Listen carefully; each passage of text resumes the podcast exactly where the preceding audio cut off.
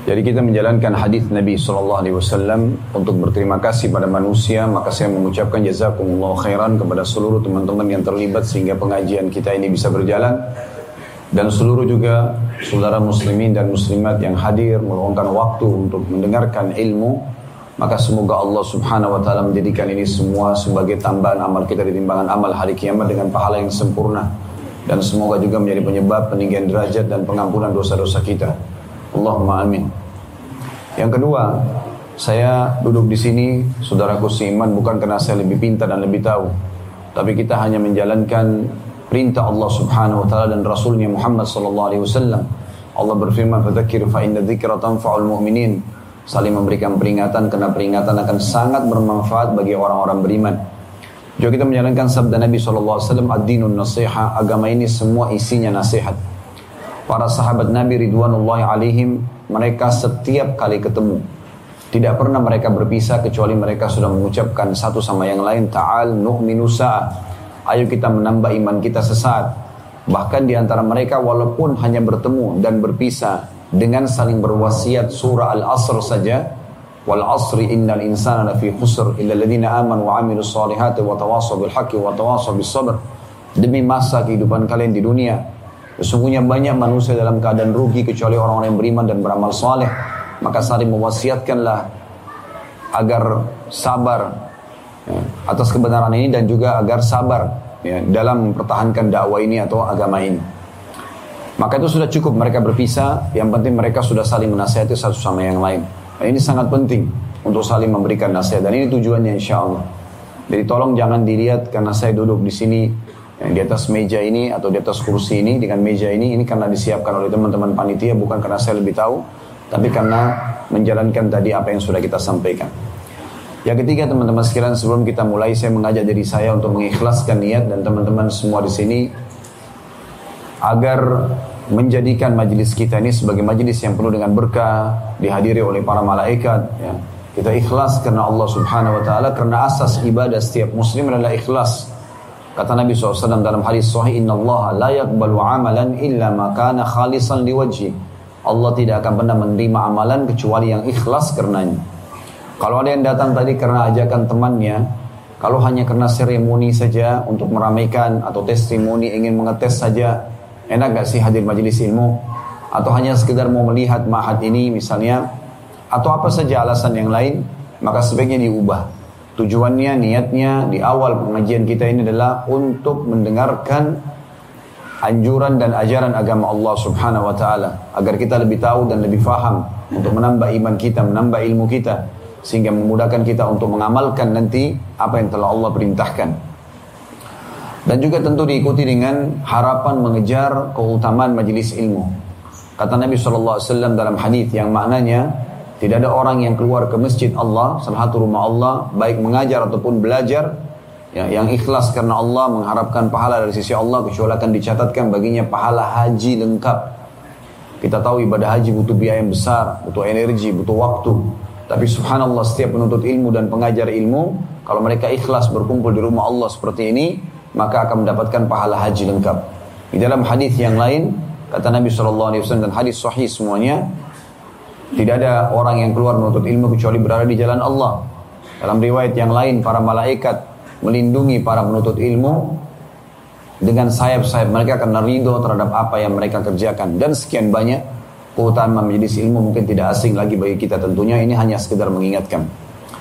Baik, pada kesempatan ini insya Allah kita akan membahas Islam dan wanita. Materi ini, walaupun judulnya Islam dan wanita, bukan berarti bagi laki-laki tidak perlu. Justru bagi laki-laki juga perlu. Karena posisi kita bisa saja sebagai seorang anak dan kita punya ibu. Posisi kita sebagai saudara, kita punya saudari. Posisi kita sebagai ponakan, kita punya tante. Posisi kita sebagai suami, kita punya istri misalnya. Posisi kita sebagai ayah, kita punya anak perempuan. Berarti kita juga butuh untuk mengetahui informasi yang akan disampaikan insya Allah. Terlebih lagi bagi akhwat kita tentu lebih membutuhkan masalah ini.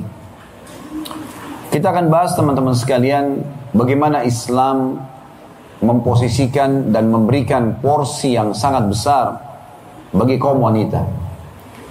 Bermula dari ayat atau surah Al-Quran di mana Allah Subhanahu wa taala mengkhususkan satu surah namanya surah An-Nisa membahas tentang masalah wanita. Kalau seandainya kaum wanita tidak punya kedudukan di dalam Islam sebagaimana banyak digembar-gemborkan oleh orang-orang non muslim, kalau Islam mendolimi wanita, Islam mengurangi haknya, Islam menindas mereka, semuanya terbantahkan karena kitab suci yang dijadikan rujukan pertama umat Islam ada surah An-Nisa dikhususkan untuk para wanita. Dan belum pernah kita temukan ada surah Ar-Rijal surah untuk laki-laki. Walaupun ada surah Al-Mu'minun tapi umum masuk laki-laki dan perempuan ada surah Al-Mu'min atau surah Ghafir memang umum untuk laki-laki dan perempuan tapi khusus wanita surah An-Nisa ini dikhususkan untuk mereka belum lagi Allah subhanahu wa ta'ala sebutkan kisah wanita mulia di dalam Al-Quran. Dan Allah namakan surah itu namanya Maryam alaihissalam. Allah khususkan namanya surah Maryam. Dan kita tahu di antara nabi-nabi ada 25 nabi dan rasul yang kita wajib imani, tidak semua nama mereka tersebutkan. Sebagian kecil, ya. Ada surah Ibrahim, surah Hud, Yunus, Muhammad, Yusuf, alaihi wassalatu wassalam, tapi tidak banyak. Segelintir saja. Dan Allah memasukkan nama Maryam walaupun beliau bukan seorang nabi sebagai nama surah. Kalau bukan Allah muliakan tidak mungkin. Bagaimana Allah juga sebutkan dalam ayat Al-Quran diberikan perumpamaan. Ya, dua orang wanita yang mulia. Tadi Maryam alaihissalam ibunya Nabi Isa alaihissalam karena sucinya ya. Diri dia dia menjaga tidak pernah tersentuh oleh laki-laki yang bukan mahram dan sibuk beribadah di mihrab di rumahnya di sekitar Baitul Maqdis. Maka Allah muliakan dengan meniupkan ruh langsung di rahimnya dan melahirkan tanpa disentuh oleh seorang laki-laki dan menjadi mujizat yang sangat besar sepanjang masa. Bagaimana bisa seorang wanita hamil tanpa setetes sperma pun begitu juga dengan Asia istri Fir'aun yang beriman lalu dibunuh oleh Fir'aun sehingga mati syahid. Dan juga diberikan perumpamaan dalam Al-Quran. Dan disebutkan dalam Al-Quran masalah itu. Begitu juga teman-teman sekalian bagaimana Nabi alaihi salatu wassalam memuliakan memuliakan para wanita. Memuliakan para wanita dalam banyak sekali sikap dan sabda-sabda Nabi sallallahu alaihi wasallam. Pernah satu kali para istri Nabi sedang naik ke atas unta yang di atasnya itu ada gerandahnya. Kemudian yang membawa, yang memegang tali kekangan unta itu kebetulan punya suara sangat indah dan dia melantungkan syair sehingga untanya menggoyangkan kepalanya kiri dan kanan sehingga akhirnya sempat goyang geranda tersebut. Lalu kata Nabi SAW dengan bahasa yang masyhur, hati-hati dengan botol-botol kacaku. Nabi SAW menggambarkan wanita dengan botol kaca yang kalau kita menjaganya dengan baik, kita merawatnya dengan baik, kita bisa menjadikan dia sebagai wadah kita untuk minum. Juga bisa jadi perhiasan, pemandangan sendiri kalau dia memang dirawat dengan dibersihkan. Tetapi kapan dia dipecahkan atau retak, maka sulit untuk diperbaikin. Digambarkan dengan itu. Dan Nabi SAW juga mengatakan dalam sebuah hadis yang masyhur, Akmalul mu'minina imanan ahsanuhum khuluqa Orang mukmin yang paling sempurna imannya, yang paling baik akhlaknya. Lalu kata Nabi SAW, wa khiyarukum li ahli dan orang yang paling baik dari sisi penilaian akhlaknya yang paling baik dengan keluarganya wa ana khiyarukum li ahli dan aku adalah sebaik-baik suri teladan terhadap sikap dan perbuatan baik kepada keluarganya atau para istrinya. Jadi ini contoh jelas saja bagaimana di pembukaan kita Islam memuliakan kaum wanita. Belum lagi teman-teman sekalian kalau kita kembangkan bahasan ini Islam memuliakan wanita dengan sangat luar biasa dari masa mereka kanak-kanak, masa mereka menjadi istri, masa mereka menjadi ibu. Di tiga tahapan ini semuanya Islam muliakan. Coba dengarkan baik-baik. Bagaimana Islam memuliakan anak-anak perempuan di saat mereka masih kecil. Bahkan ya dalam beberapa muamalah dianjurkan melebihkan dari anak laki-laki walaupun dalam pemberian harus adil kata Nabi SAW melalui hadis atau riwayat Aisyah radhiyallahu anha Aisyah berkata Ummul Mukminin, "Ja'at nimra'atun wa ma'ah ibnatani laha." Telah datang kepadaku seorang wanita dengan membawa dua anak perempuannya. Fasa'alatni falam tajid indi syai'an ghaira tamratin wahidatin fa'ataituha. Lalu dia minta kepadaku makanan, minta sesuatu, tapi aku tidak menemukan di sisiku kecuali sebutir kurma saja. Maka aku memberikan kurma itu kepada si ibu tadi. Fa'ataituha iyyaha, aku berikan kepadanya. Fa'akhadatha faqasamatha baina ibnatayha maka ibu tersebut mengambil sebutir kurma tadi lalu dia membagi dua dan dibagikan kepada kedua anak perempuannya.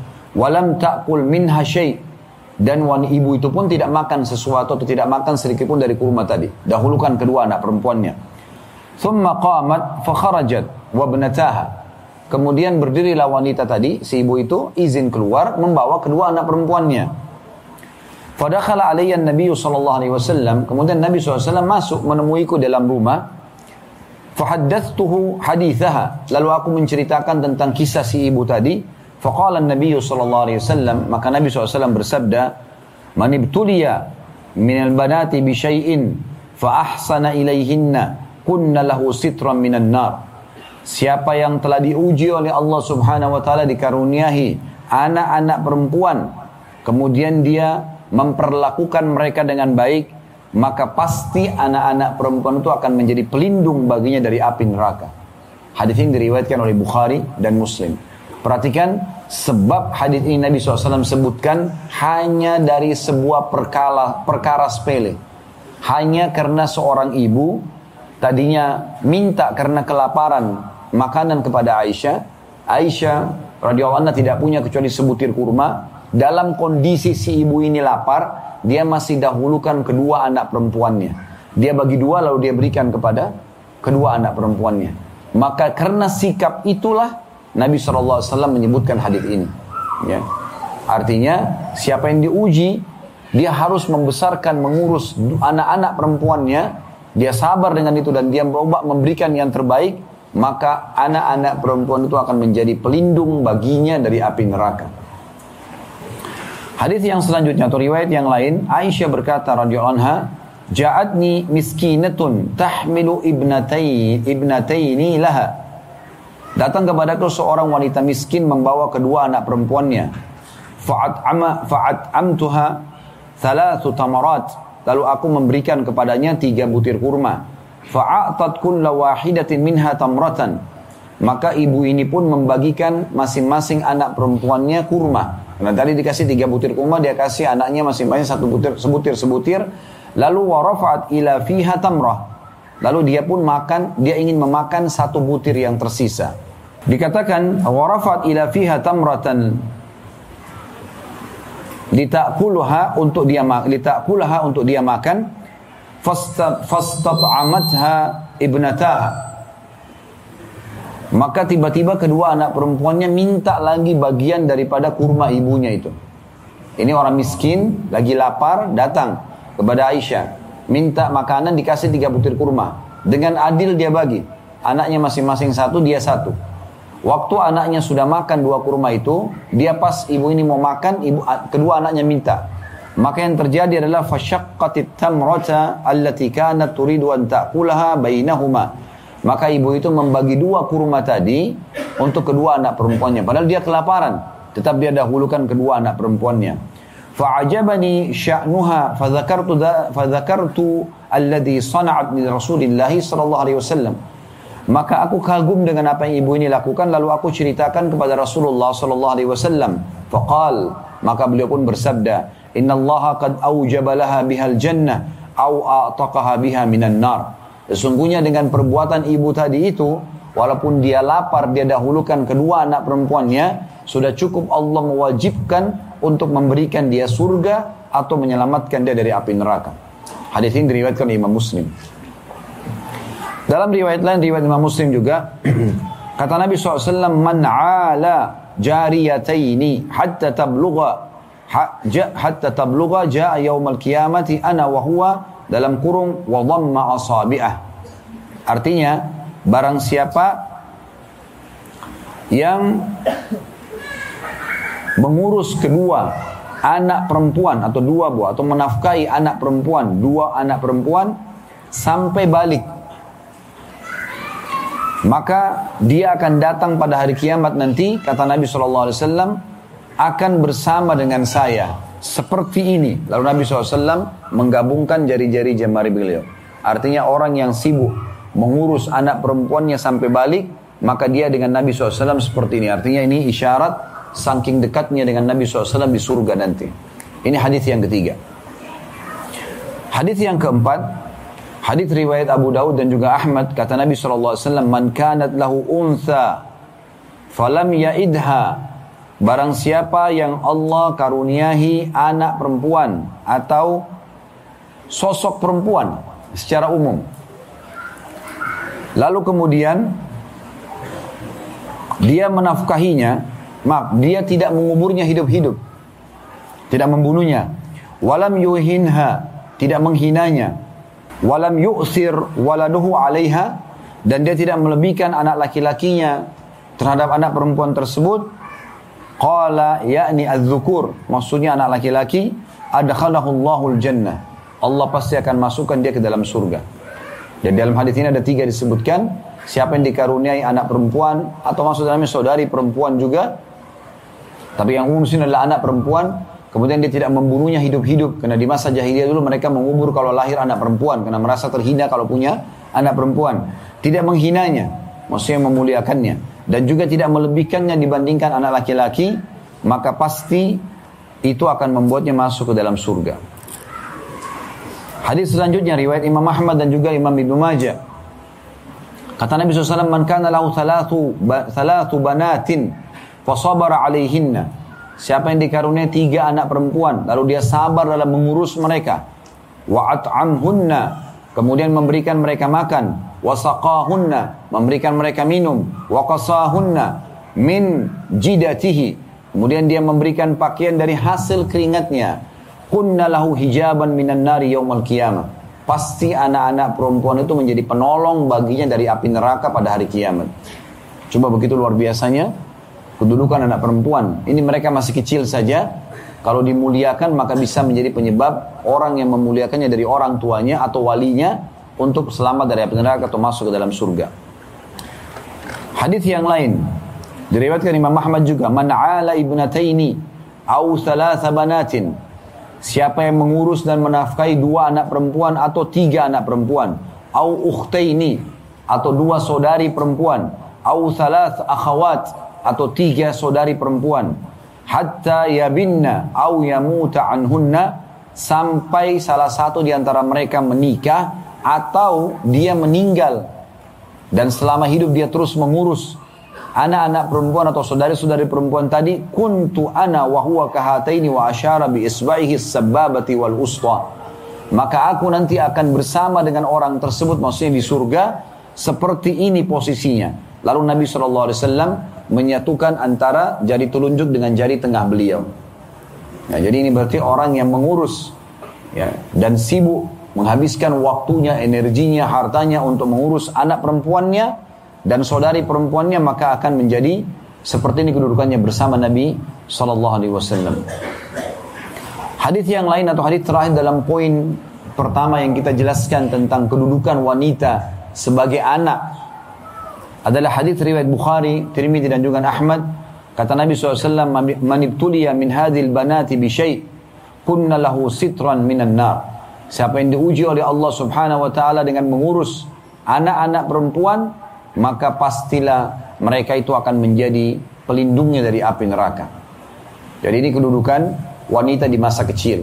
Siapa yang sibuk mengurusnya, baik sebagai ibu atau ayahnya, baik sebagai walinya kalau orang tua anak itu sudah meninggal misalnya jadi yatim dia diurus oleh pamannya, oleh tantenya, siapa saja yang mengurus anak-anak perempuan ini atau mengurus saudari perempuannya karena orang tuanya meninggal lalu dia banting tulang bekerja untuk membiayai saudari perempuannya sampai menikah maka dipastikan akan mendapatkan keutamaan-keutamaan ini.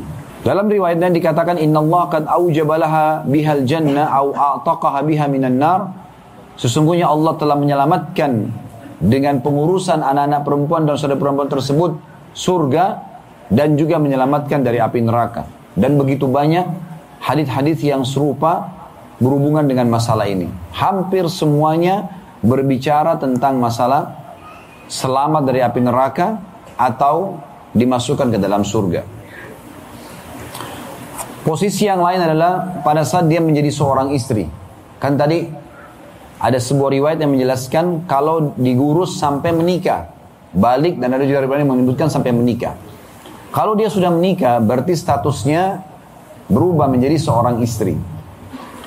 Istri pun mereka punya kedudukan yang luar biasa.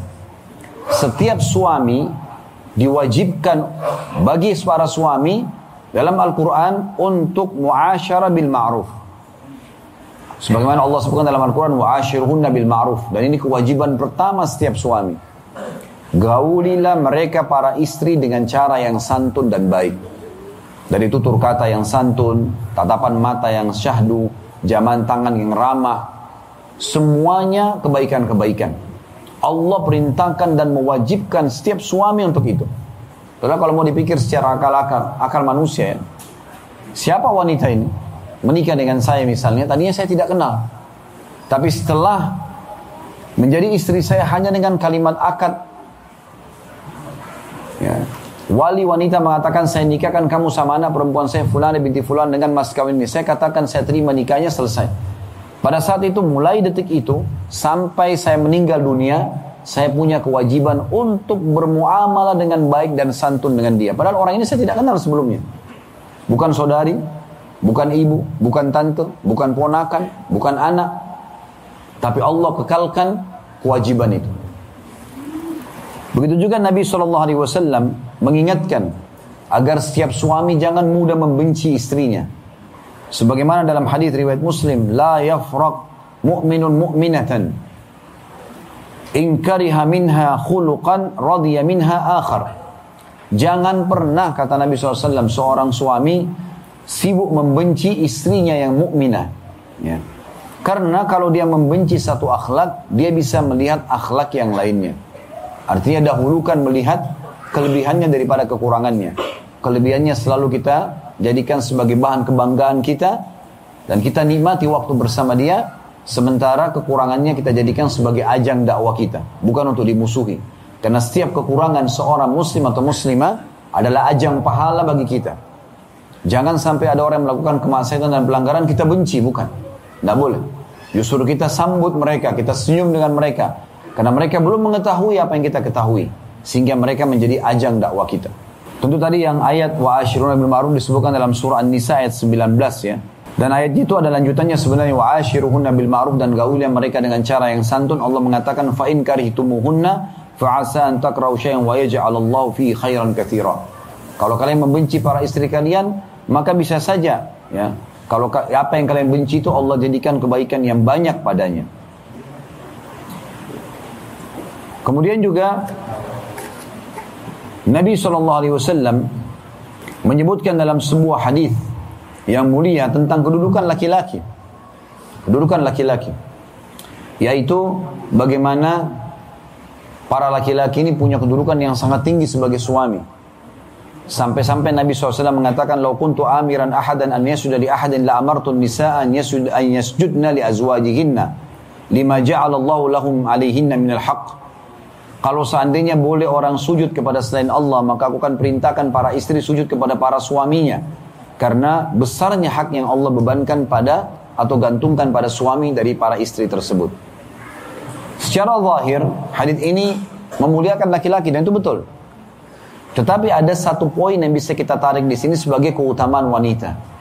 Yaitu Allah tidak membuka pintu poliandri. Gak ada wanita boleh menikah dengan dua suami. Hanya satu suami saja. Karena kalau dua dua dua laki-laki dua suami, dua-duanya menumpahkan sperma lalu hamil, siapa ayahnya anak itu? Oleh karena itu hanya boleh satu laki-laki saja. Artinya para wanita hanya fokus ke satu laki-laki ini saja. Ini sering saya bahasakan setiap kali berada di depan para akhwat dan muslimah kita.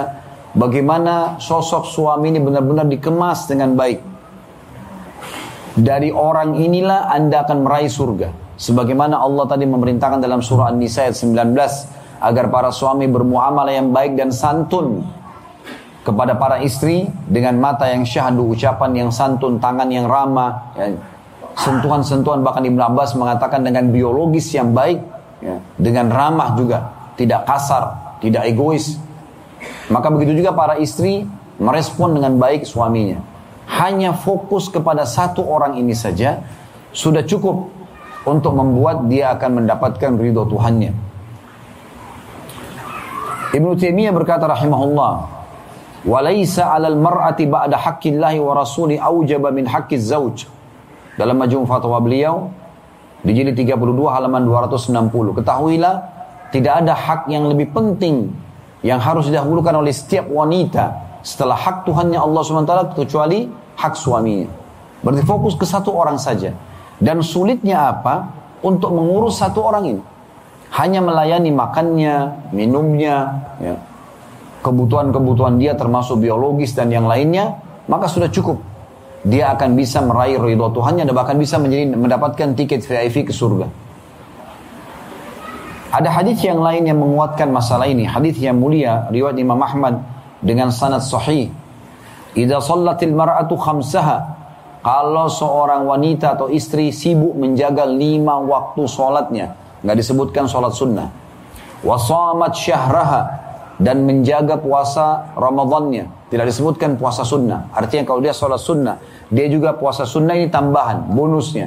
Dia fokus saja lima waktu yang wajib ini, subuh sampai isya, subuh duhur, asar, maghrib, isya.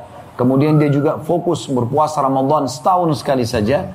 Wahafadat farjaha dan menjaga kesucian kemaluannya tidak berzina wa ata'at zaujaha kemudian dia patuh dia selalu melayani dengan baik suaminya qilalaha akan dikatakan kepadanya pada saat meninggal udkhulil jannata min ayyi abwabil jannati syi'ti masuklah ke dalam surga dari pintu mana saja yang kau inginkan subhanallah artinya wanita yang mengerjakan empat hal ini Bagaimana mereka fokus menjaga begitu azan sholat waktu wajib.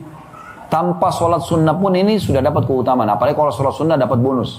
Puasa Ramadan, kemudian menjaga kemaluannya tidak pernah tersentuh kecuali oleh suaminya yang halal saja. Kemudian melayani dan mentaati suaminya maka cukup. Dia boleh pilih derajat surga mana yang dia ingin masuk. Subhanallah surga tertinggi ya kita tahu dihuni oleh para empat golongan ya para nabi-nabi, minan nabiyina was-siddiqin, orang-orang yang jujur semasa hidup tidak pernah bohong, wasyuhada, orang yang mati syahid. Ini juga susah ini, ya. Karena harus masuk medan perang, dibunuh oleh musuh, mati syahid. Dan orang-orang saleh. Nah orang saleh ini sebenarnya modalnya air mata dan kedekatan kepada Allah SWT. Tapi untuk istiqomah juga menjadi orang saleh butuh perjuangan. Itu kaum laki-laki. Kalau nabi-nabi sudah tertutup pintunya buat kita. Karena ditutup dengan Nabi Muhammad SAW tidak ada nabi lagi. Kalau orang-orang siddiq, di antara semua sahabat yang punya julukan siddiq, walaupun mereka semua terpercaya, tapi yang jelas dapat julukan Abu Bakar. Syuhada, semua orang yang mati syahid di medan perang pasti lebih sedikit daripada orang yang hidup. Padahal bayangkan ya, peperangan di masa dulu, kalau masa sekarang mungkin orang masih jarak-jarak jauh tembak, mungkin masih banyak tempat untuk berlindung. Masa dulu orang berhadapan pedang dengan pedang. Anak panah, tombak terlemparkan dengan jarak cuma 1-2 meter ke arah kita. Tapi subhanallah, kata ulama hikmah orang mati syahid selalu lebih sedikit daripada orang yang hidup. Di perang Badar dari 314 orang sahabat hanya 60 sahabat yang mati syahid. Di perang Uhud dari 700 orang sahabat 70 yang mati syahid. Padahal orang berhadapan-hadapan dengan musuh. Setiap saat kematian depan mata. Tapi kata ulama Allah memilih orang yang paling ikhlas agar Allah berikan mati syahid tersebut. Sebagaimana orang yang pertama mati syahid di perang Uhud adalah sahabat yang mulia Abdullah bin Haram radhiyallahu anhu. Yang sangat mulia ayahnya Jabir. Yang Allah subhanahu wa ta'ala dalam hadis Bukhari dikatakan mengajak bicara secara langsung tanpa hijab. Semua orang mati syahid diajak bicara oleh Allah belakang hijab kecuali Abdullah radhiyallahu anhu. Dan dia di malam perang Uhud, hari Jumat malam Sabtu besok perang Uhud di tanggal 16 Syawal tahun 3 Hijriah, dia di hari Jumatnya malam semalam suntuk nggak tidur berdoa kepada Allah agar dikaruniai mati syahid orang pertama di Uhud dan Allah terima karena tulusnya minta itu. Orang kalau masuk medan perang ragu supaya dia mati atau enggak maka Allah tidak matikan dia. Allah pilih orang-orang yang memang ikhlas. Begitu luar biasa. Jadi untuk jadi syuhada tidak gampang. Ya. Tinggal orang-orang soleh. Dan itu ini yang bisa kita kejar nih. Azan ke masjid, tutup aurat, cari rezeki halal itu bagi laki-laki. Dan laki-laki kalau ibadah keluar ke masjid sholat. Ini. Ngantar jenazah, cari nafkah, jihad, keluar dari rumah, gitu kan? Tapi perempuan subhanallah di rumah, sholat lima waktu, puasa Ramadan, jaga kesucian kehormatannya, tidak bergaul bebas sehingga tidak selingkuh, tidak buat ya ber, buka pintu berzina dan melayani suaminya kalau datang satu orang ini saja. Dilayani sama dia sudah cukup dia boleh pilih dari pintu surga mana yang dia mau masuk. Derajat tertinggi pun bisa. Hanya dengan ini. Begitu luar biasa Allah muliakan kaum wanita dengan ini. Begitu juga ditanyakan kepada Nabi Shallallahu Alaihi Wasallam Qila Sallallahu Alaihi Wasallam ayun nisa'i khair Ditanyakan kepada Nabi SAW, mana siapa wanita yang paling baik ya Rasulullah? yang paling e, tinggi penilaiannya, paling besar pahalanya, ya. Paling tinggi derajatnya.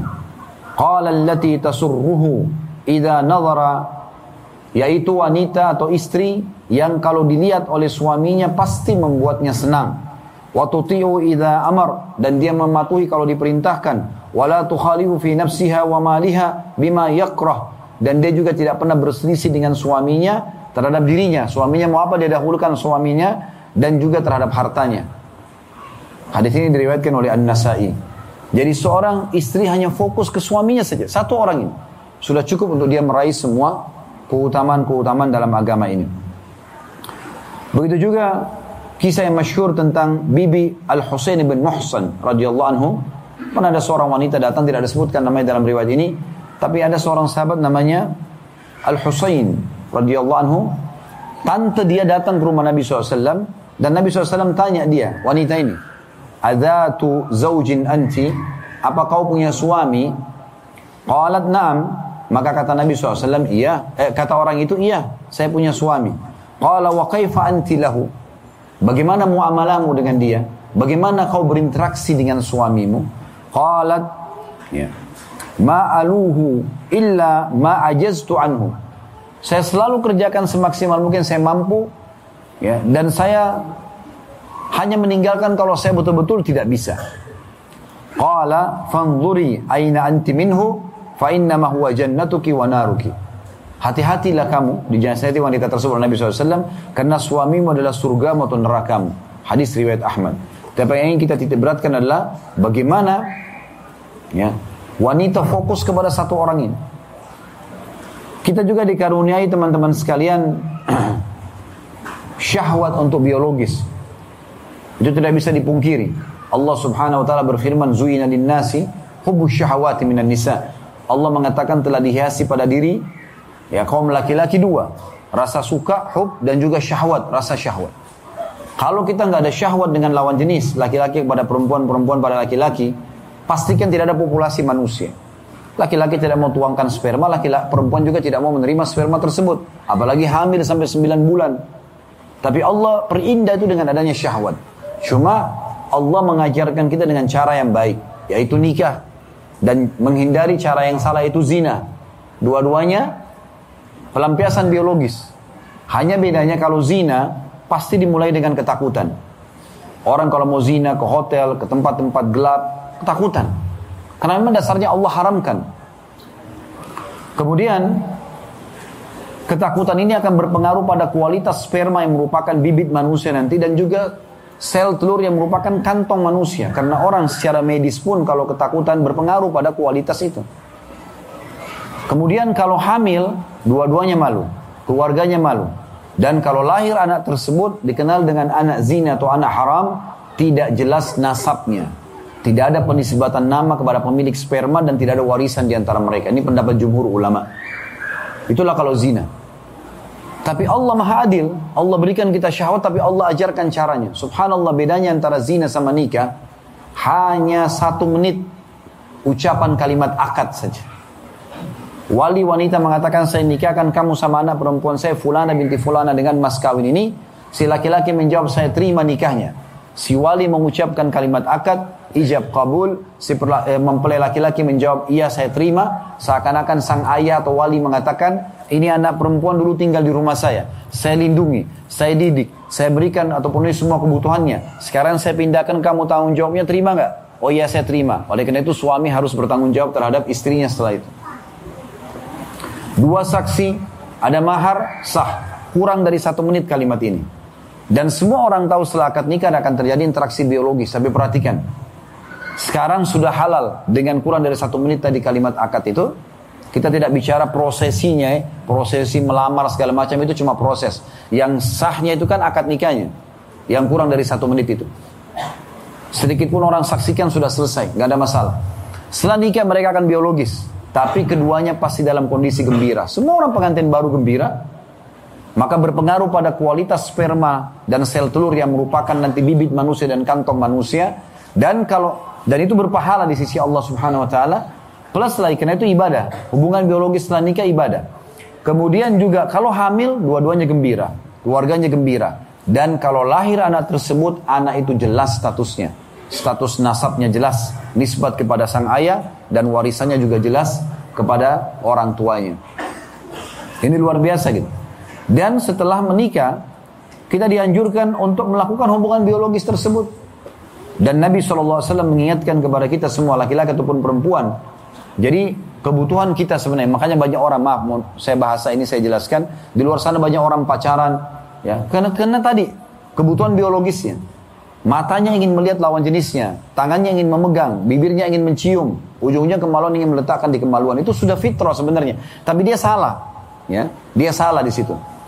Maka perbuatan ini tidak boleh, tidak boleh kan dalam agama. Ya, sebagaimana sudah kita jelaskan tadi. Maka Allah dengan keadilannya memberikan kita solusinya yaitu dengan cara menikah. Baik. Kata Nabi SAW, Fi budi ahadikum sadaqah. Di kemaluan kalian ada pahala besar. Ya, pada saat sahabat-sahabat miskin datang dan mengeluh kepada Nabi SAW mengatakan, sahabat-sahabat kami kaya banyak sekali pahala mereka. Karena kami sholat, mereka sholat, kami puasa, mereka puasa. Tapi mereka punya uang yang mereka sedekahkan yang kami tidak punya ya Rasulullah. Beritahukan kami amalan yang kalau kami kerjakan, kami bisa dapat pahala. Tentu ada dua riwayat. Riwayat yang pertama menyebutkan tentang, bacalah habis sholat subhanallah 33, alhamdulillah 33, Allah Akbar 33. Lalu sahabat miskin ini mengamalkan. Beberapa waktu kemudian mereka kembali lagi mengatakan, Ya Rasulullah, sahabat-sahabat kami yang kaya dengarin apa yang anda sampaikan. Seakan-akan tolong sampaikan kepada kami amalan apa lagi yang bisa menyaingi sedekah mereka. Kata Nabi SAW, Zalika fadullah yu'ti itu karunia Allah, Allah berikan kepada siapa yang dia inginkan.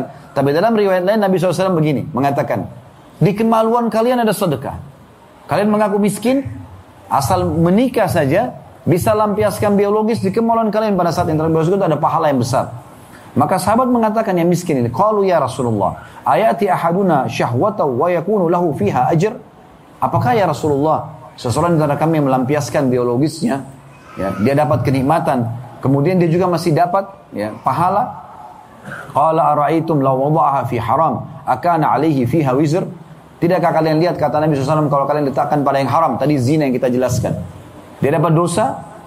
Kaza fakadzalika idza wada'a fil halal kana lahu ajr begitu juga kalau dia letakkan pada yang halal maka dia akan mendapatkan pahala.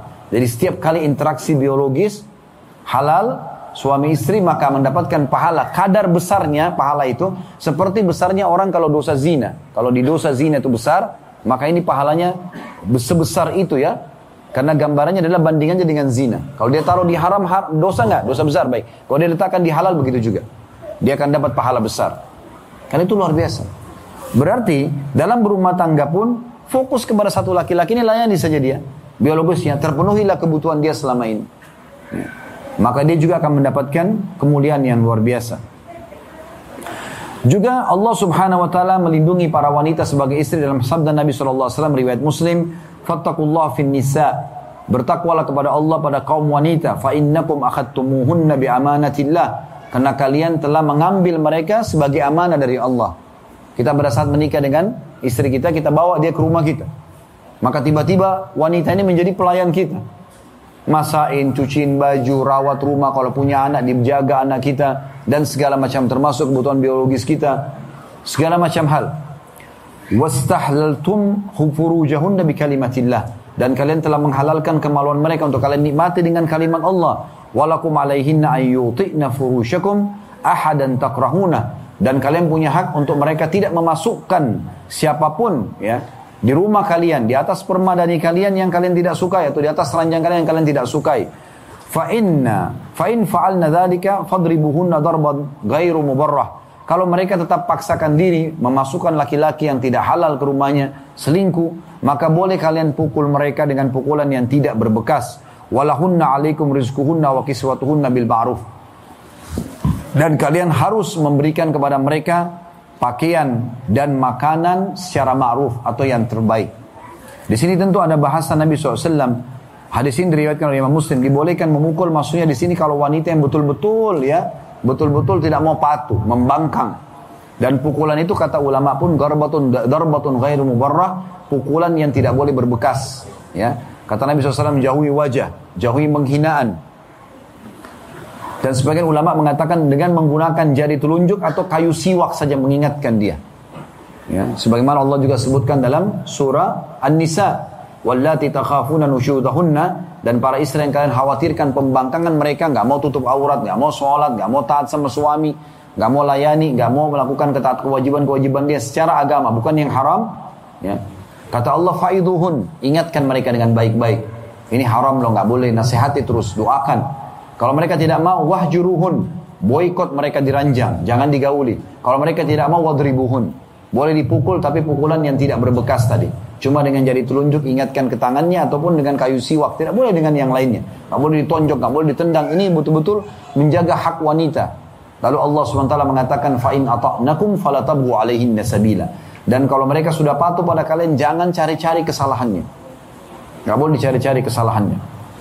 Ini luar biasa. Ya. Dan Allah Subhanahu wa taala juga menyuruh nabinya Muhammad sallallahu alaihi wasallam untuk ya memenuhi kebutuhan-kebutuhan wanita atau kebutuhan istri. Dalam sabda beliau dalam hadis riwayat Abu Daud antut'imuha idza ta'imt engkau harus memberikan makan apa yang kau makan. Harus sama kualitasnya antara yang dimakan oleh suami dengan istri. Wa taksuha idza tasait dan engkau memberikan pakaian sebagaimana juga kau berpakaian yang layak. Ya. kemudian wala tadribul wajh jangan pernah kau memukul wajahnya. Wala tuqabbih. Dan jangan pernah kau buruk-burukkan dia. Wala tahjur illa fil bait. Dan kalau kau harus boikot dia di ranjang jaka boikotlah di dalam rumah. Ya. jadi ini luar biasa peringatan Nabi alaihi salatu wassalam. Dan kita juga para suami diingatkan untuk memuliakan para wanita sebagai istri jangan memata-matai mereka. Jangan sengaja juga datang di tengah malam pada saat safar datang dari safar lalu buat kejutan nggak boleh informasikan ke mereka saya akan datang ya jam sekian. Nabi SAW mengatakan dalam hadis Bukhari Muslim, "Idza qadima ahadukum lailan" Siapa pun yang datang di malam hari, fala ya'tiyanna ahlahu turuqan. Jangan dia datang tiba-tiba ya ke keluarganya hatta tastahiddal maghiba wa tantashita asyaitha. Artinya agar siang istri tadi sempat ya menyukur bulu kemaluannya dan menyisir rambutnya. Maksudnya dandan untuk menyambut suaminya. Jadi nggak boleh kita buat kejutan.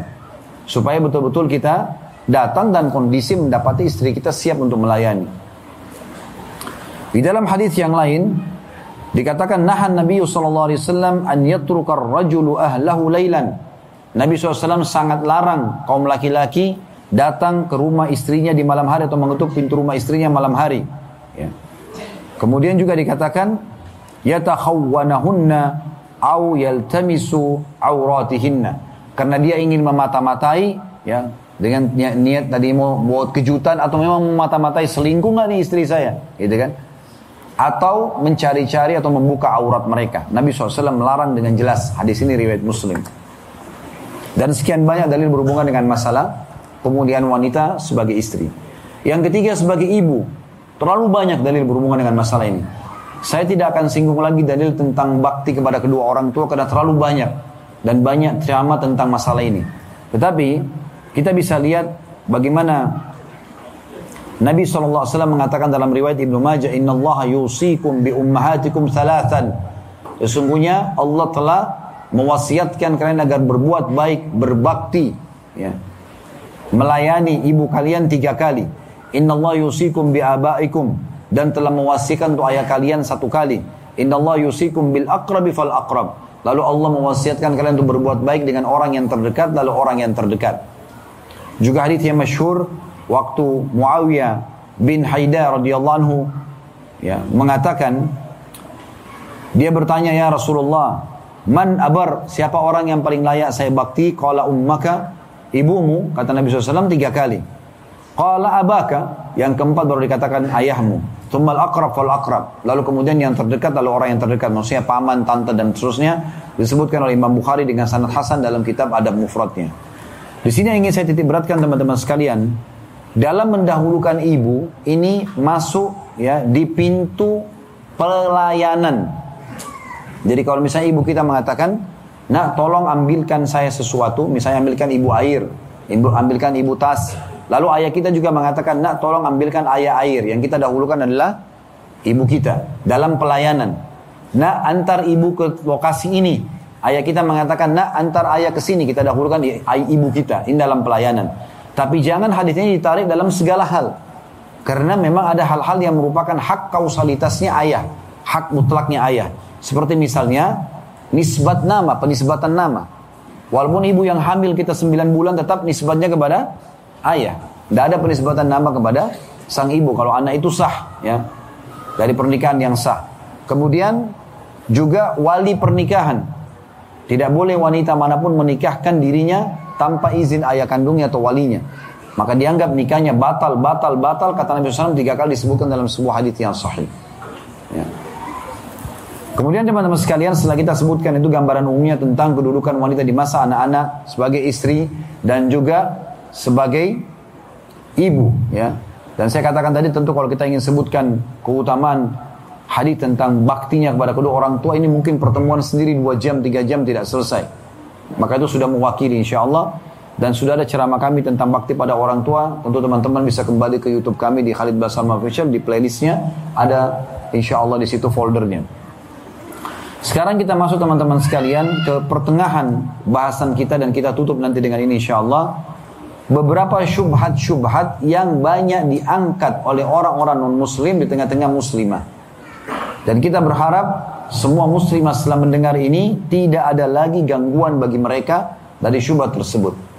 Yang pertama yang paling sering sekali diangkat oleh orang-orang non-muslim terutama oleh para orientalis, orang-orang yang belajar Islam di negeri-negeri barat tapi hanya untuk mencari kekurangan Islam menurut mereka. Masalah emansipasi wanita. Selalu mereka gembar-gemburkan kalau Islam itu mendalimi wanita. Islam tidak menyamakan laki-laki sama perempuan, gitu kan? Maka kita harus mengumandangkan kalau perempuan harus sama dengan laki-laki. Ini secara zahir seakan-akan benar. Tapi kita sebagai seorang muslim punya panduan agama kita. Ya. Islam merincikan ini dengan sangat rinci. Kalau tentang balasan amal soleh, disamakan laki-laki sama perempuan.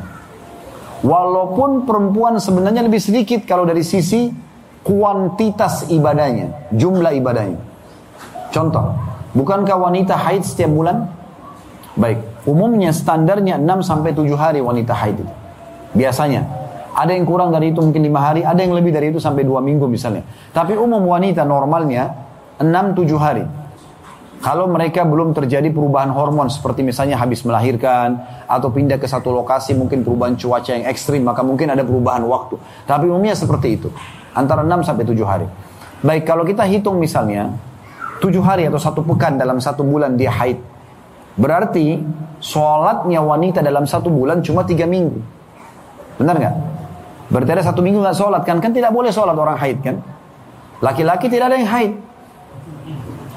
Berarti kalau wanita umurnya 60 tahun selain balik, anggaplah umurnya 75, 15 tahun sebelum balik. 60 tahun. Ya. Dia sholat dan ada laki-laki sama umurnya 75 tahun, 15 tahun masa sebelum balik, 60 tahun umurnya sholat juga, maka secara kuantitas jumlah sholatnya siapa lebih banyak? Laki-laki. Perempuan berkurang seperempat dari umur itu. Artinya dari 60 tahun ada 15 tahun mereka tidak sholat. Karena kan seperempat kan. Setiap bulan ada satu minggu. Kan gitu. Itu belum lagi kalau kita hitung nifas ya. Kalau ada nifas biasa sampai 40 hari lebih banyak lagi nggak sholatnya. Tapi subhanallah Allah maha adil. tetap Allah berikan balasan sama. Kalau sisi balasan, ya, dikasih balasan sama. Hanya saja memang Allah Subhanahu wa taala membedakan dari sisi yang lainnya. Membedakan dari ciptaan fisik, membedakan dari sisi tugas. Ya. Jadi kita nggak bisa memukul rata emansipasi wanita, semua harus sama. Nggak mungkin sama. Karena laki-laki nggak mungkin haid. Laki-laki nggak mungkin hamil. Mau semaju apa pun teknologi sekarang nggak akan bisa buat laki-laki hamil. Ya kan? Biar mereka ubah kelamin segala macam tetap nggak bisa. Allah punya rahasia tidak bisa membuat laki-laki hamil. Maka bisa hamil lah perempuan. Bagaimana caranya disamakan? Tidak mungkin. Hanya perempuan yang bisa melahirkan dan menyusui. Laki-laki nggak bisa. Ini. Kalau laki-laki juga bisa nyusui, dia bisa berbagi waktu sama istri, tapi nggak bisa. Ini. Harus istrinya yang menyusui, yang menyapinya. Berarti nggak bisa disamakan kan? Nggak bisa disamakan. Dari sisi tugas, laki-laki disuruh azan sholat ke masjid, perempuan lebih afdal sholat di mana? Di rumah. Kan gitu. Itu sabda Nabi SAW. Berarti ada dibedain tuh. Begitu juga dengan laki-laki disuruh sholat jenazah, antar jenazah, ziarah kubur, cari nafkah, jihad. Makanya kita ini laki-laki nggak butuh hand body, nggak butuh sunblock. Karena memang kulit kita ini memang Allah ciptakan buat alam luar, kena matahari, kena hujan biasa. Laki-laki memang begitu. Perempuan memang Allah kasih itu. Mereka di rumah, maka mereka butuh perawatan itu biasa. Gitu kan?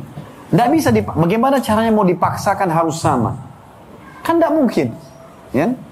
Jadi Islam sangat adil dalam masalah ini. Walaupun perempuan tugas secara kuantitas ada ibadah lebih sedikit, tapi Allah berikan balasan sama. Ya. Dan Allah menyatakan bahwasanya inna akramakum indallahi atqakum.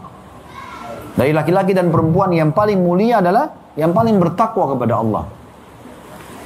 Dan Allah Subhanahu wa taala menyebutkan dalam surah An-Nisa, surah nomor 4 ayat 32 agar kita tidak boleh cemburu satu sama yang lain. Kenapa perempuan bisa hamil, saya tidak bisa hamil laki-laki? Nggak boleh kita cemburu begitu.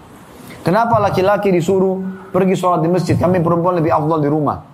Ya. Atau perempuan mengatakan, kenapa Allah nggak boleh juga laki-laki hamil saja supaya berbagi? Enggak. Allah bilang dalam surah Nisa ayat 34, "Wala tatamannau ma faddalallahu ba'dakum ma faddalallahu bihi ba'dakum ala ba'd." Janganlah kalian saling cemburu satu sama yang lain terhadap apa yang Allah berikan sebagian dari sebagian kalian maksudnya laki-laki dan perempuan. Lalu Allah jelaskan, "Lirrijali nasibun mimma iktasabu." Para laki-laki akan mendapatkan sesuai dengan apa yang telah dibebankan pada mereka, walin nisa iktasabun. Dan wanita juga akan mendapatkan balasan sesuai dengan apa yang dibebankan pada mereka. Was'alullah min fadli dan mintalah kepada Allah karuniahnya. Innallaha kana bikulli syai'in alima. Karena Allah mengetahui segala sesuatunya. Nah, jadi Islam jelas membantah masalah ini. Dari sisi lain, memang dari laki-laki dan perempuan. Ingat, Allah tidak ciptakan jenis kelamin yang ketiga. Cuma ada laki-laki, ada perempuan. Maka harus ada satu satu dari dua ini jadi pemimpin. Nggak mungkin tidak. Dan Allah dalam Islam mengangkat laki-laki sebagai pemimpin. Ya.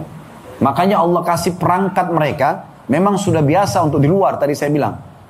Kulitnya nggak butuh hand body, nggak butuh sunblock, udah tinggal keluar kerja. Jadi pemimpin, ya. Ada masalah tinggal keluar, tengah malam banjir dia bisa keluar. Nggak butuh dandan dulu, gitu kan. Udah dia siap. Ada pasukan musuh menyerang, dia bisa ikut berperang. Kan gitu. Mudah kalau laki-laki. Allah berikan itu. Maka Allah angkat jadi pemimpin. Dan laki-laki itu dominan akal. Apa itu akal? Masalah solusi. Begitu. Jadi kalau kita di sini mungkin sebagai satu suami, kalau ada yang ya belum menikah, mohon maaf. Kalau sudah menikah sebagai satu suami, kalau istri kita mengatakan, Mas atau Bang atau apa saya dipanggil di rumah ada ini, maka akal kita langsung jalan tuh. Oh masalah listrik sedang padam, langsung kita pikirkan solusinya. Begitu akal laki-laki itu. Kita kalau naik mobil, bannya pecah, maka langsung akal kita solusinya. Oh bengkel di mana? Kalau perempuan tidak, dominan perasaan, beda. Perempuan itu kalau naik mobil, ban mobilnya pecah, dia turun, dia renungi dulu kenapa pecah. Lama, pakai perasaan. Ya, baru dia pikir setelah itu masalahnya apa. Memang berbeda. Allah SWT bedakan itu. Dengan dominan akal, laki-laki siap menghadapi alam luar. Ada masalah solusi, masalah solusi, mentok di sini di sana, ditolak di sini dia bisa melamar kerja di sana. Begitu laki-laki. Perempuan perasaan karena memang dia harus ngurus rumah, nata rumah, didik anak, sabar nyusui mereka, ganti popoknya dan segala macam. Ini butuh perasaan. Kalau laki-laki disuruh urus ini susah, ya. Karena laki-laki akan bilang secara akal ini kok pipis terus anak ini, misalnya. Kok nangis terus? Saya kan mau tidur besok mau kerja. Perempuan tidak seperti itu perasaan dia, beda. Jadi memang tidak bisa dipaksa sama, gitu kan? Dan Allah swt memilih laki-laki sebagai pemimpin. Dalam firman-Nya, ya, Allah SWT sebutkan ar-rijalu qawwamuna 'alan nisa dalam surah An-Nisa 34. Ya. Para kaum wanita laki-laki itu adalah pemimpin kaum wanita bima faddalallahu ba'dahum ala ba'd wa bima anfaqu min amwalihim. Karena Allah memang yang memilih itu mendahulukan mereka sebagian dari sebagian yang lain dan karena mereka para laki-laki itu disuruh untuk menginfakkan hartanya menginfakkan harta. Jadi kita bekerja satu bulan, lalu kita berikan kepada istri. Istri dipenuhi semua, makan, minum, segala macam kebutuhan diberikan. Gitu kan. Lalu Allah mengatakan tentang para wanita, fasalihatu. Oleh karena itu, para wanita yang dapat gelar kesolehan, qanitat, ya, yang sibuk tunduk patuh kepada Allah. Sebagian ulama mengatakan qanit ini adalah orang yang lama sujud dan ruku. Ibadah, hafizatun bima hafizallah, menjaga apa yang telah Allah jaga, maksudnya mereka jaga kesucian kemaluan mereka, mereka tidak perlu lagi berselingkuh karena Allah sudah penuhi kebutuhannya sebelum nikah oleh ayahnya, setelah menikah ya oleh suaminya. Baru Allah masuk tentang masalah tadi nusyud yang sudah kita bahas tadi ya. Kemudian teman-teman sekalian, syubhat yang kedua selain emansipasi wanita adalah masalah hijab. Sering kali mereka lemparkan sebuah syubhat di tengah-tengah komunitas muslim. Kenapa perempuan harus berhijab? Gitu kan. Untuk apa? Kenapa bukan seperti perempuan kami di barat bebas. Mau pakai baju, nggak pakai baju, baju terserah. Gitu kan. Gak ada masalah. Subhanallah ada satu kisah unik saya pernah dapatkan di Inggris terjadi. Ada seseorang anak muda muslim muallaf dia. Kemudian diajak temannya yang lain setahun kemudian untuk masuk Islam. Tapi temannya ini masih punya masalah, syubhat. Pertanyaan. Kebetulan ada satu orang alim di sana mengisi pengajian. Lalu teman yang masuk Islam ini yang mu'alaf tahun satu tahun lalu bilang, ini ada teman saya mau masuk Islam, tapi dia masih punya pertanyaan, ada yang mengganjal, dia mau tanya, bisa nggak? Kata gurunya, ya silahkan, kata orang itu, silahkan. Apa yang mau ditanya? Lalu kata non muslim ini, saya ingin tanya, kenapa kalian menyusahkan wanita kalian? Kenapa kalian suruh mereka berhijab? Ya. Sementara kalian tidak bebaskan seperti kami. Kami bebas wanita kami. Mau bekerja semaunya, mau bergaul semaunya, hidup bebas seperti laki-laki. Terserah.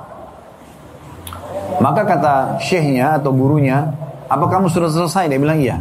Lalu syekhnya mengeluarkan dua permen dari kantongnya, satu terbungkus, satu dibuka bungkusannya. Lalu digeletakin di lantai masjid. Lalu kata syekhnya kepada orang non muslim itu, kata guru si alim ini, kira-kira kalau saya suruh pilih kamu permen ini yang mana kamu pilih? Kata orang non muslim itu yang masih terbungkus. Kata guru orang alim itu kenapa? Kenapa kau nggak ambil yang sudah terbuka kan tinggal dimakan aja? Dia bilang karena ini lebih steril. Ini lebih bersih, lebih terjaga. Kata beliau, begitulah semua wanita muslimah. Seperti permen yang masih dibungkus, yang boleh membukanya hanya suaminya saja.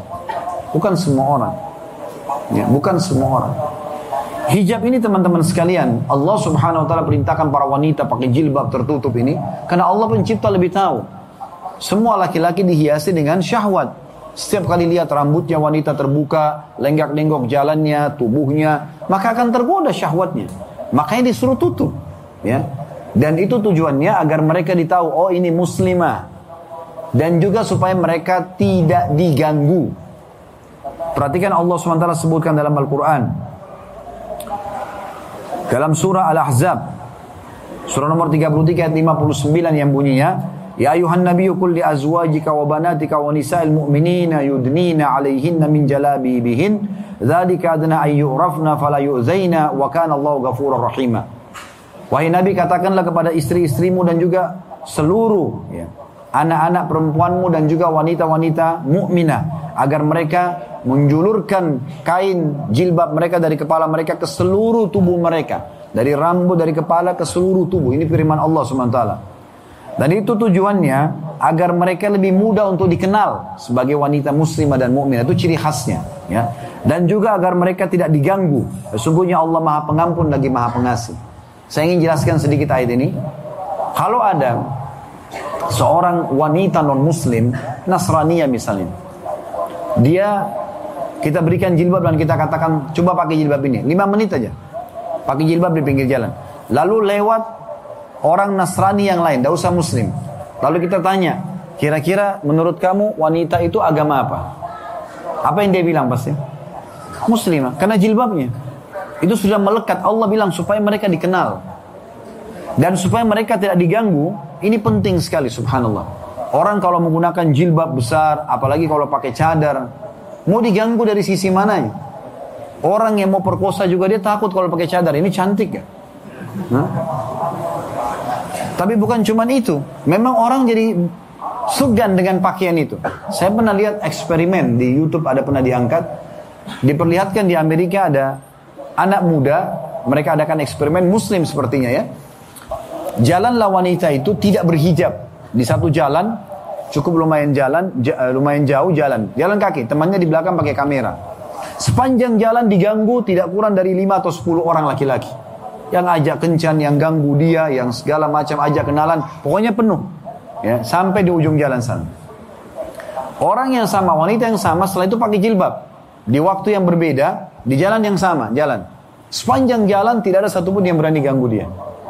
Gak pernah ada yang ganggu. Kalaupun ada yang ganggu paling jauh, Assalamualaikum. Ya. Kan begitu. Jadi memang subhanallah, memang untuk menjaga mereka. Hijab itu untuk menjaga kemuliaan mereka. Ya. Itu berhubungan dengan masalah hijab. Dan Nabi SAW mengingatkan agar setiap muslimah hati-hati jangan sampai masuk neraka karena tidak berhijab. Ya. Karena kata Nabi SAW, simfani min ahli nar. Dua golongan dari ahli neraka. Lam arahuma. Belum pernah saya lihat, maksudnya di masa beliau SAW. Kaumun ma'hum siyatun ka'adnabil bakar. Yadribuna, yadribuna bihan nas. Ada satu kaum yang membawa cambuk-cambuk dari ekor sapi untuk memukul orang. Ya. Kata sebagian ulama hadis ini pengawal-pengawal raja zalim yang suka memukul-mukul orang, gitu kan? Menyiksa orang zalim mereka. Dan yang kedua, nisaun kasiyatun ariyatun mumilatun ya.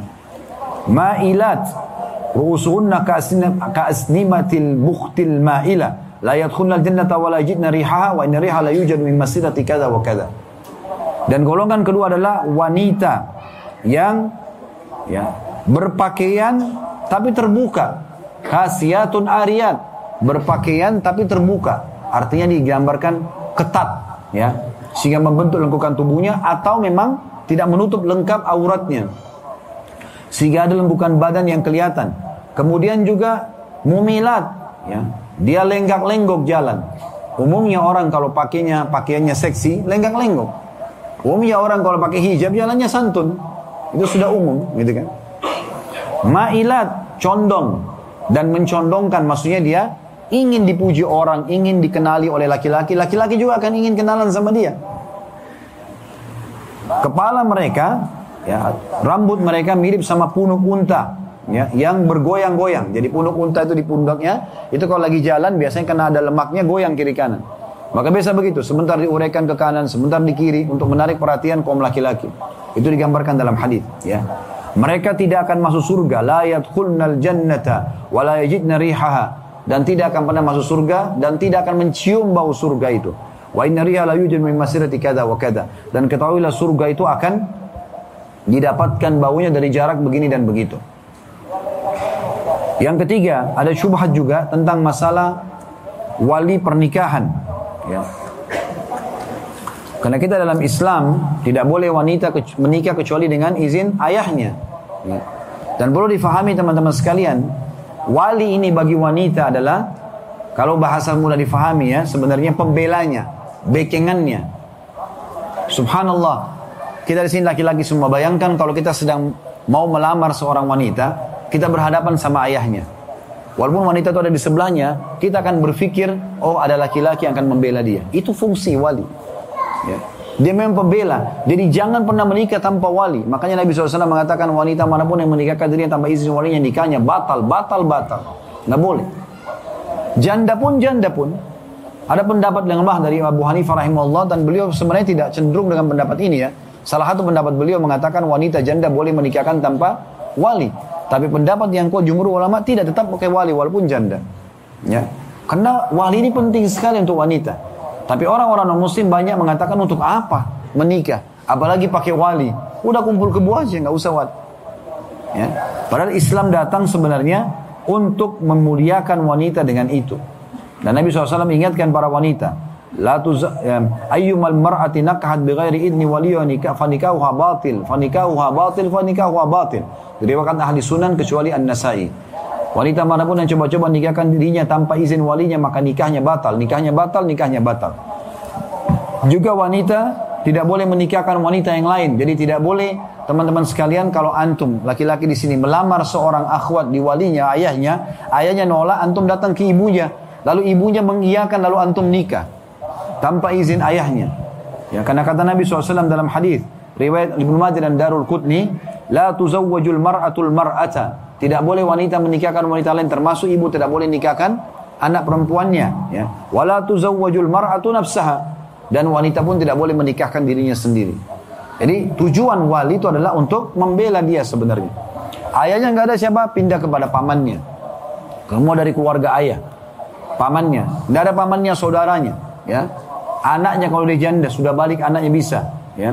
Ponakannya ini bisa semua dari keluarga ayahnya, ya.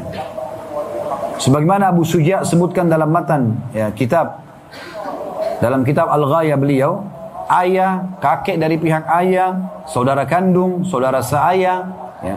Kemudian ponakan dari saudara kandung, ponakan dari saudara seayah, paman dari ayah, sepupu dari paman, saudara ayah, ya ini semua bisa menjadi wali daripada wanita tersebut.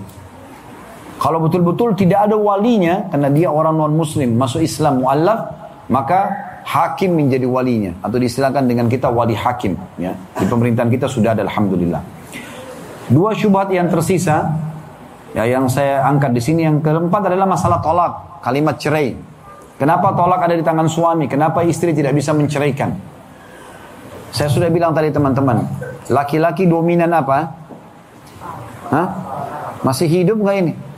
Hah? Dominan apa? Kalau perempuan? Baik.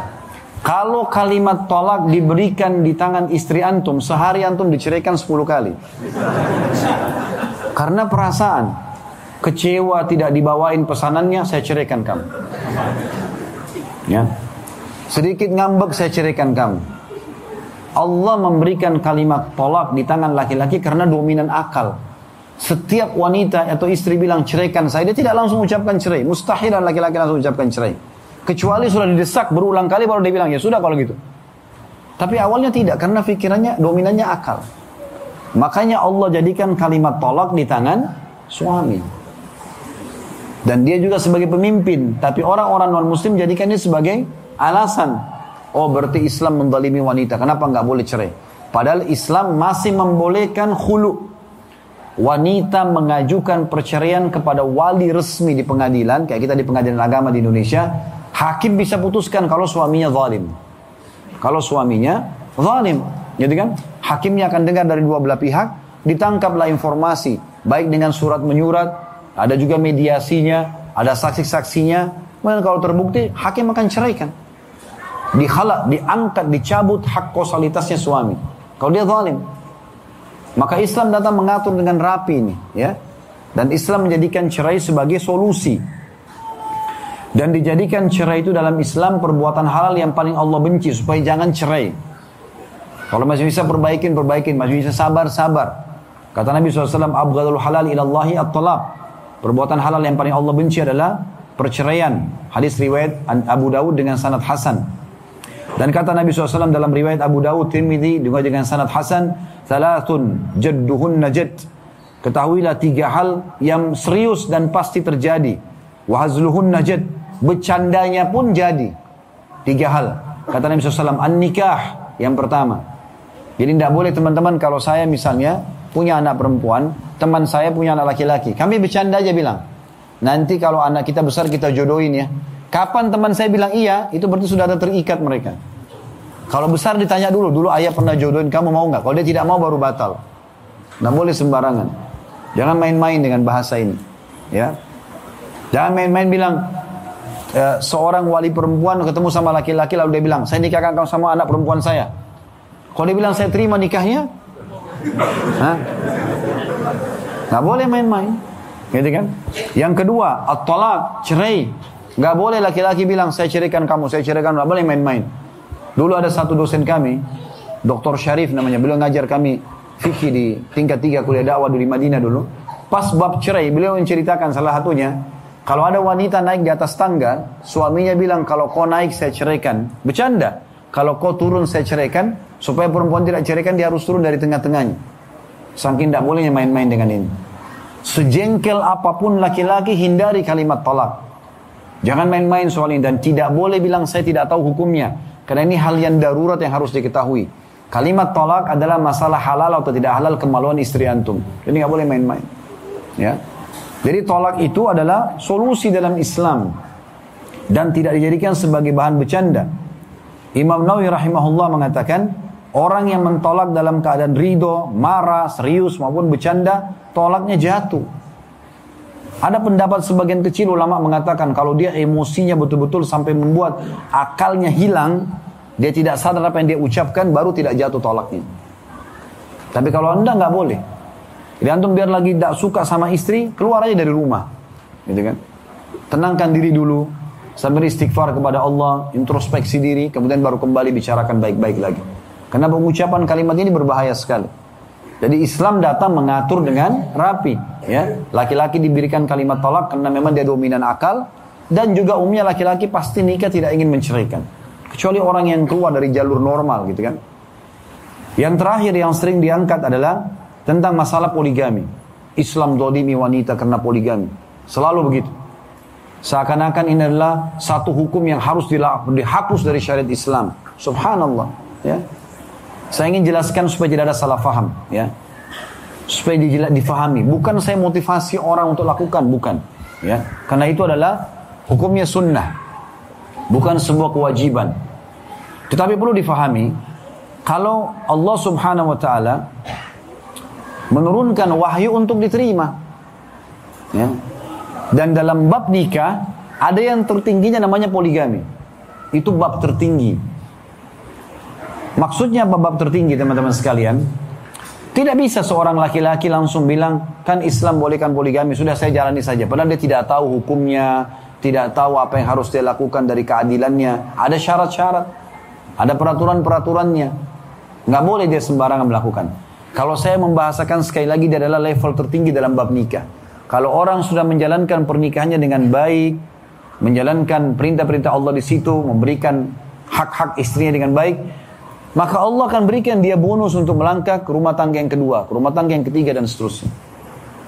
Jadi ini hukum Allah SWT tidak mungkin kita tolak, tapi kita harus pelajari. Dan karena umumnya pendapat ulama mengatakan dia adalah sunnah, bukan kewajiban, maka bukan harus dikerjakan kalau orang belum mampu. Orang mampu dia kerjakan. Dan saya pernah ditanya di pengajian oleh sebagian ikhwah kita, Ustaz, saya kan laki-laki, boleh poligami. Apakah saya harus izin istri? Saya bilang tidak harus. Kalau izin tidak ada keharusan. Kalau begitu saya menikah saja Ustaz. Istri saya tahu atau tidak tahu. Lalu saya bilang, baik, antum mau membangun, membuat Eh, menjalankan poligami ini? Jangka pendek atau jangka panjang? Dia bilang, kok bisa Ustaz? Iya, jangka pendek umum seperti banyak laki-laki lakukan. Dia suka satu laki perempuan, kemudian dia tiba-tiba saja daripada dia berzina dia nikahi diam-diam. Ini seperti bom waktu. Ya, satu waktu nanti akan meledak, ribut, harus pilih salah satunya. Pilih istri pertama, istri kedua dia zalimi karena dia sudah nikahi. Apa alasannya diceraikan? Orang juga anak orang ini, ya Gak boleh dikembalikan bisa ke rumah-rumah rumah tangga rumah orang tuanya tanpa sebab. Dia pilih istri barunya, istri pertamanya sudah lama mengabdi sama dia. Serba salah. Atau dia bertahan dalam rumah tangga tapi banyak cacian. Dia terhina sebagai laki-laki. Lalu bagaimana caranya? Poligami, poligami jangka panjang. Ini butuh ilmu, dipelajari. Diprogramkan dalam hidup. Ber, pertama berdoa kepada Allah SWT. Ya Allah mudahkanlah. Kalau hamba ini layak mudahkan ya. Berdoa kepada Allah SWT. Setelah berdoa, ya, di waktu-waktu mustajab, kemudian dijadikan target beberapa tahun ke depan. Lalu kemudian yang kedua, memang selalu mendalami ilmu agama dan menerapkan ilmu agama itu. Pernah ada seorang ustaz datang kepada saya di salah satu wilayah di kalau tidak salah waktu itu di Kalimantan, di salah satu wilayah Kalimantan, dia datang kepada saya mengatakan, Ustaz, saya juga mau poligami gitu. Yang dia tahu informasi saya melakukan itu, dia mengatakan saya juga mau lakukan. Terus saya lihat karena dia seorang dai, saya tanya. Pertanyaan saya pertama, karena saya tahu dai harusnya lebih banyak jadi contoh gitu. Bagaimana dengan sholat sunnah antum? Saya tanya dia. Bagaimana dengan sholat malam antum? Bagaimana dengan sholat duha antum? Bagaimana dengan semua sunnah-sunnah rawatib? Yang saya tanyakan afdaliyanya.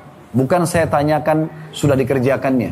Maksudnya, sholat malam sudah istiqomah nggak? Dan selalu di sepertiga malam dan itu 11 rakaat rutin.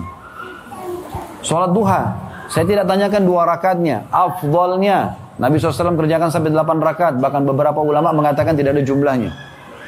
Sudah belum? Sholat lima waktu antum, azan, sudah langsung di saat pertama. Sudah belum? Tidak kehilangan takbiratul ihram pertama imam. Puasa sunnah, antum puasa Senin Kamis nggak? Antum puasa Iyamul Bid nggak? Zikir pagi petang dijaga rutin nggak? Bukan dikerjakan ya, sudah rutin dijaga nggak? Istiqomah nggak? Maka dia jawab semuanya belum Ustaz. Gimana caranya antum mau Allah kasih antum bonus? Antum masih kendor begini ibadahnya, terus mau dapat bonus baru nggak bisa. Coba perbaikin diri dulu, benahi diri. Bukan cuma diri kita, istri kita juga sama. Ajak mereka kepada agama, berikan pendidikan agama yang cukup, gitu kan? Baru kemudian setelah itu kita berpikir untuk melangkah. Itu pun melangkah dengan orang-orang yang tepat. Istri kedua juga harus orang yang beragama. Bukan orang yang sembarangan. Gitu kan? Sehingga akhirnya jauhkan kita dari agama dan seterusnya. Maka ini perlu digarisbawahi. Jadi yang ingin kita tidak beratkan sebenarnya adalah hukum agama yang dinyatakan oleh para ulama dia adalah sunnah dan sebenarnya dia punya hikmah-hikmah yang sangat besar. Di antara hikmahnya adalah eh, selain menjalankan perintah Allah SWT juga untuk memperbanyak jumlah kaum muslimin karena Nabi SAW menyuruh kita menikah dengan wanita penyayang, subur, dan kena bangga dengan jumlah umat pada hari kiamat. Jadi orang punya satu istri, punya anak, oh ya bapak istri juga punya banyak anak. Tapi tidak sembarangan dilakukan. Punya syarat-syarat dan peraturan.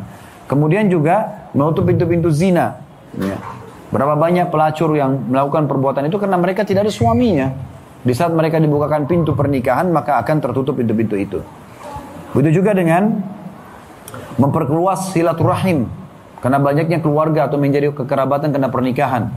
Begitu juga dengan ya meringankan ya opsi ya, uh, kewajiban bagi para wanita karena dengan berpoligami maka lebih ringan, lebih banyak pembagian waktunya dan sekian banyak hikmah yang disebutkan oleh para ulama. Tapi yang kita tidak berikan sebenarnya karena ini syubhat yang dilempar. Kenapa Islam boleh nikah lebih dari satu wanita? Kenapa nggak satu saja? Loh ini perintah agama. Kita kira-kira mau katakan, oh iya ya, Kayaknya benar yang dia katakan. Kita hapus syariat Allah atau kita pelajari dan kita sampaikan yang benar, maka itu tujuannya. Kita menyampaikan yang benar. Kalau itu perintah agama. Dan subhanallah dari 100% laki-laki melakukan poligami di bawah 10%. Tidak semua orang juga bisa melakukannya. Itu adalah sebuah opsi dalam agama yang Allah berikan kepada orang yang sudah sampai pada level itu. Sehingga jangan sampai teman-teman merusak citra agama Allah ini hanya karena kita belum memahami ya hukum-hukum berhubungan dengan ini. Dan ingat, dalam melakukan poligami harus niat niat ibadah dan juga harus menjalankan syarat utamanya itu adil di antara mereka. Nafkah ya dan juga kesepakatan mabit atau pembagian malam. Kesepakatan itu di antara mereka Allah alam. Baik semua bermanfaat insyaallah. Kalau benar dari Allah, pada salah dari saya mohon dimaafkan. Subhanakallahumma bihamdika asyhadu an la ilaha illa anta astaghfiruka wa atubu ilaik. Wassalamualaikum warahmatullahi wabarakatuh.